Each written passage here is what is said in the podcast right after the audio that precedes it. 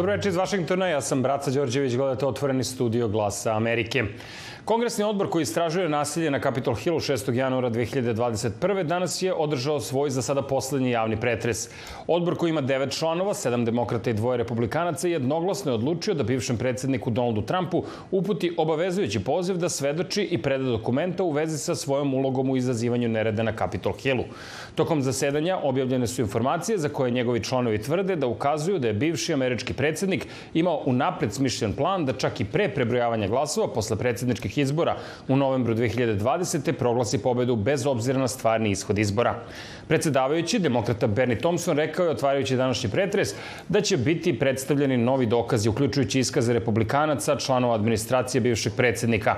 Podpredsednica istražnog odbora, republikanka Liz Cheney, istakla je da je bivši predsednik Trump bio, kako ga je označila, centralni uzrok nereda 6. januara. Odbor je do sada saslušao više od 1000 svedoka i pregledao više od 130.000 stranica dokumenta.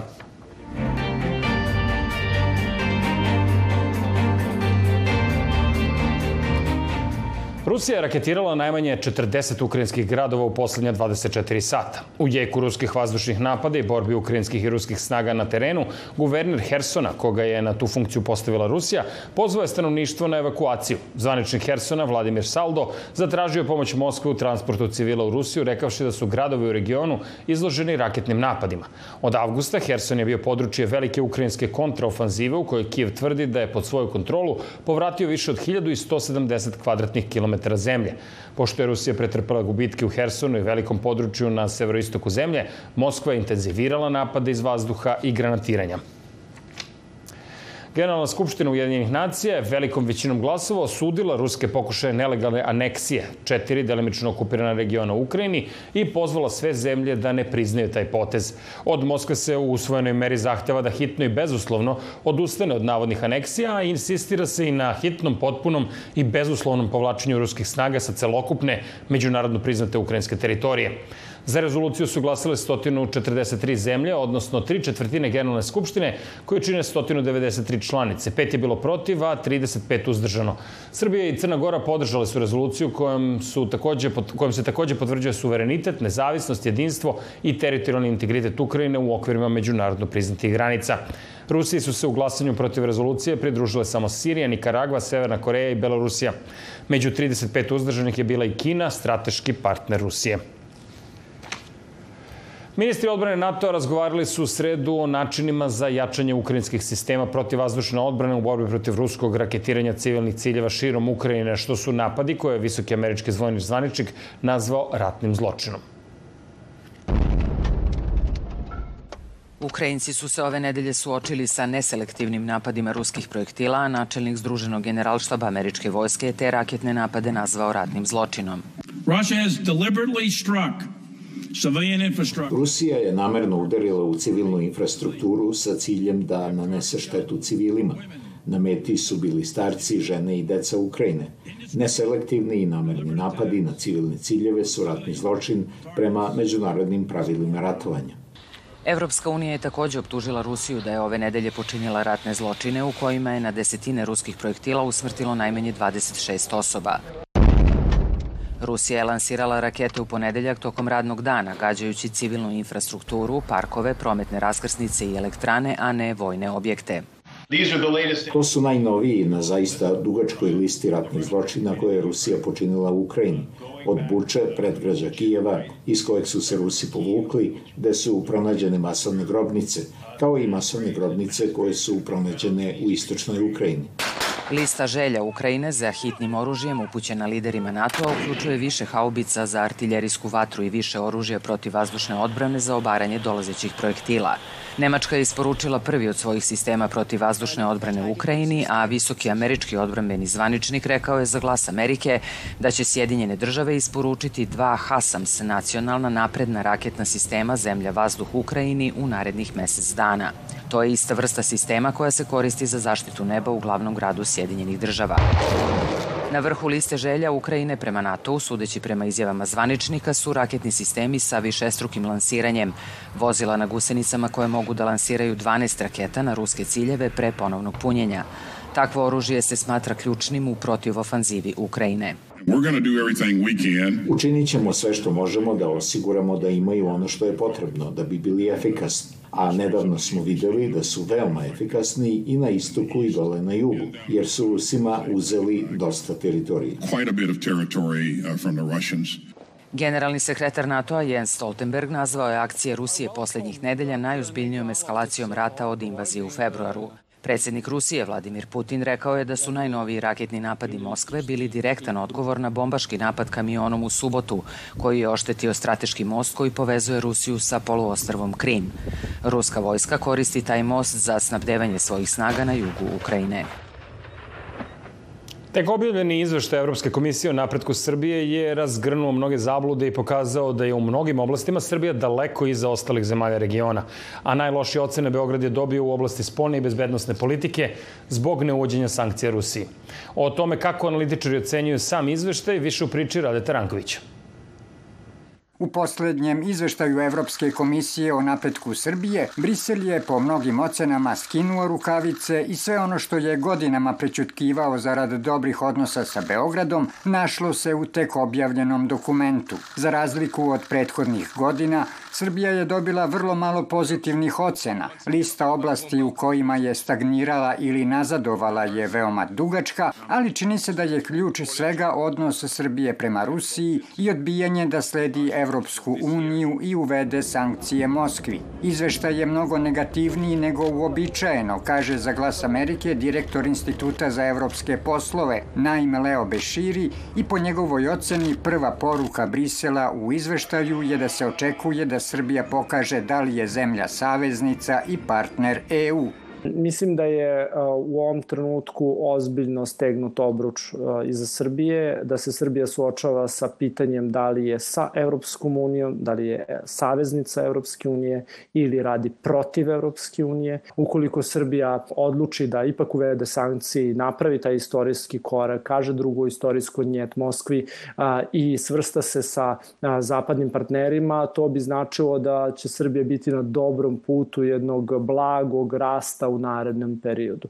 Kako ukazuje programska direktorka Centra za evropske politike Milena Lazarević, izveštaj Evropske komisije pokazuje da Srbija ne samo da se nije usaglasila sa spoljnom i bezbednostnom politikom EU, ne samo da nije mnogo napredovala u oblastima reforme javne uprave, demokratskih institucija ili medija, nego da nije napredovala ni tamo gde je mogla. Takođe bih rekla da je zabrinjavajuće to što više Srbija nema, nema vidljivog napretka ni u onim tehničkim uh, oblastima, da možda eto administracija makar uspeva da radi na ovim tehničkim uh, oblastima, jel, na, na um, pravnoj tekovini, na, na usklađivanju našeg uh, pravnog sistema sa sistemom Evropske unije. Međutim, ovaj put čak ni u tim tehničkim, da tako kažemo, oblastima nigde nemamo dobar napredak. Po mišljenju potpredsednika Evropskog pokreta u Srbiji Vladimira Međaka, možda bi i sam izveštaj Evropske komisije bio nešto povoljniji po Srbiju, da je Beograd u skladu sa porukama iz Brisela, kao i sve druge zemlje regiona, uveo sankcije Rusiji. Sa takvom politikom Srbija je blizu pozicije da joj se sve manje veruje i da bi na kraju mogla da bude gubitnik na obema stranama predsednik izjavio kako ćemo mi uvesti sankcije Rusima kada šteta bude postala veća od koristi. To je poziv, nanesite nam štetu i mi ćemo raditi ono što je trebalo inicijalno da uradimo zato što hoćemo da postanemo članica Evropske unije. Znači čak i kad uvedemo sutra, ako uvedemo sutra sankcije, mi ćemo reći, e, to su nas natrali, mi zaista tako ne mislimo. Znači, doćeš u situaciju da si uveo sankcije Rusiji, a da ti opet niko ne veruje. Ako je za utehu i sam predsjednik Srbije Aleksandar Vučić je istakao da je u velikoj meri saglasan sa izveštajem. U takvoj situaciji, kako je rekao i šef evropske delegacije u Srbiji Emanuel Giofre, izveštaj Evropske komisije može da bude korisna alatka za dalji napredak Srbije u procesu evropskih integracija. Za glas Amerike iz Beograda, Rade Ranković. Specijalni predstavnik Evropske unije za dijalog Beograda i Prištine Miroslav Lajčak rekao je u Prištini da je sada pravi trenutak za normalizaciju odnosa između Kosova i Srbije. Lajčak je sa premijerom Kosova razgovarao o registarskim tablicama i sporazumu o energetici. Izveštava Budimir Nečić. Specijalni predstavnik Evropske unije za dijalog Beograda i Prištine Miroslav Lajčak jutros je nenajavljeno došao na Kosovo gde se sastao sa premijerom Kosova Aljbinom Kurtijem i glavnim prištinskim pregovaračem u dijalogu sa Srbijom Besnikom Bislimijem. Nakon dvočasovnog sastanka medijima se ispred zgrade vlade Kosova kratko obratio samo Lajčak. Mogu da kažem da je današnji sastanak u Prištini deo moje regularne komunikacije sa premijerom i zamenikom premijera Bislimijem. Imali smo dve teme na agendi. Prva je put ka normalizaciji odnosa i nastavak razgovora koji smo nedavno imali u Briselu, a nastavljeni su intervencijom predsednika Makrona i kancelara Šolca i uključivanjem sekretara Blinkena. Lajčak je sa kosovskim zvaničnicima razgovarao i o sporazumu o energetici i registarskim tablicama. License as you know, Što se tiče pitanja registarskih oznaka, 31. oktobra ističe rok i veoma je važno za vas, za mene, za Europsku uniju da znamo dalje planovi da se pobrinemo da situacija ne eskalira, jer to nije ni u čijem interesu. Što se pitanja energetike tiče, mi smo u procesu. Postoji rizik da Elektroseveru bude oduzeta licenca, što mi ne želimo da se desi. Zbog toga smo pozvali sve akcionare, KEDS i Elektroseveru u ponedeljak u Brisel, gde smo ceo dan razgovarali o situaciji. Bilo mi je važno da zaključke rasprave donesem premijeru i razgovaramo o daljem putu. Lajčak je najavio da će u ponedeljak biti u Beogradu sa istim ciljem i dnevnim redom, rekavši da želi da pronađe rešenje za pitanja koje su i dalje otvorena.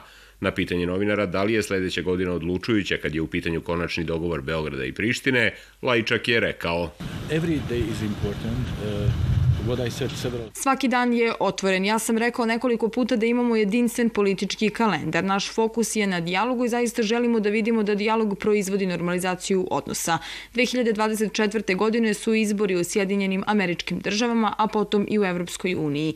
Ne kažem da je sledeća godina odlučujuća, ali imamo dobru priliku pred izbore. Vlada Kosova saopštila je da je premijer Aljbin Kurti sa Miroslavom Lajčakom razgovarao o aktuelnim pitanjima kao i neophodnosti sprovođenja energetskog sporazuma, koji, kako se navodi u saopštenju vlade, na kraju dovodi do plaćanja struje u severnom delu Kosova.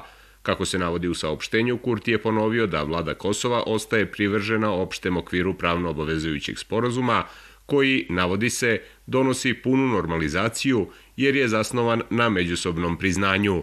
Za glas Amerike iz Prištine, Budimir Ničić. Jedna američka kompanija kaže da kriptovaluta može da pomogne u prelasku na čistiju energiju. Za kriptovalute je potrebna ogromna količina električne energije koja danas uglavnom dolazi od sagorevanja fosilnih goriva. Ta industrija, koja je sve veća, često se navodi kao pretnja u borbi protiv klimatskih promena. Ali neki kriptorudari daju prioritet zelenoj energiji. John Belizer iz kompanije Soluna Computing kaže da rudarenje bitcoina čak može da pomogne u prevazilaženju ekonomskih prepreka za izgradnju više solarnih i vetroelektrana. Mnogo te obnovljive energije se gubi. Većina ljudi ne zna, ali skoro 30 od 100 energije nikada ne stigne do mreže. To se zove redukcija. Vetroelektrane ponekad generišu više električne energije nego što je potrebno, što je neiskorišćeni višak koji čini obnovljivu energiju manje profitabilnom. Tu dolazi rudarenje bitcoina, kaže Belizer. Mi gradimo fleksibilne centre podataka tačno na lokaciji elektrane koja absorbuje tu izgubljenu energiju i pretvara je u računarstvo koje može brzo da se poveća ili smanji. Ovaj centar podataka u izgradnji u vetroparku u zapadnom Teksasu koristit će redukovanu energiju za kriptovalute i druge poslove obrade. Efikasan dizajn zgrade znači da nema klimatizacije. U državi Kentucky kompanija Soluna kaže da njen centar podataka radi samo kada postoji obilan izvor energije, uključujući i obližnje hidroelektrane. Postoji mnogo mesta širom sveta na kojima je pitanje rasipanja energije pravi izazov. Zato iznošenjem tog novog svežeg prihoda na tržište možemo da uočimo da se više elektrana pojavljuje na mreži. Poput vetra, vrednost bitcoina nepredvidljivo se menja. Za sada kriptorudarenje pruža neke sveže prihode za obnovljivu energiju u obostrano korisnom odnosu. Poštovani gledalci, to bi bilo sve za večeras. Hvala vam na pažnji, budite sa nama i sutra u isto vreme. Do tada pratite nas na internetu na adresi glasamerike.net i na društvenim mrežama. Ja sam Braca Đorđević, želim vam prijetno veče i laku noć iz Vašingtona.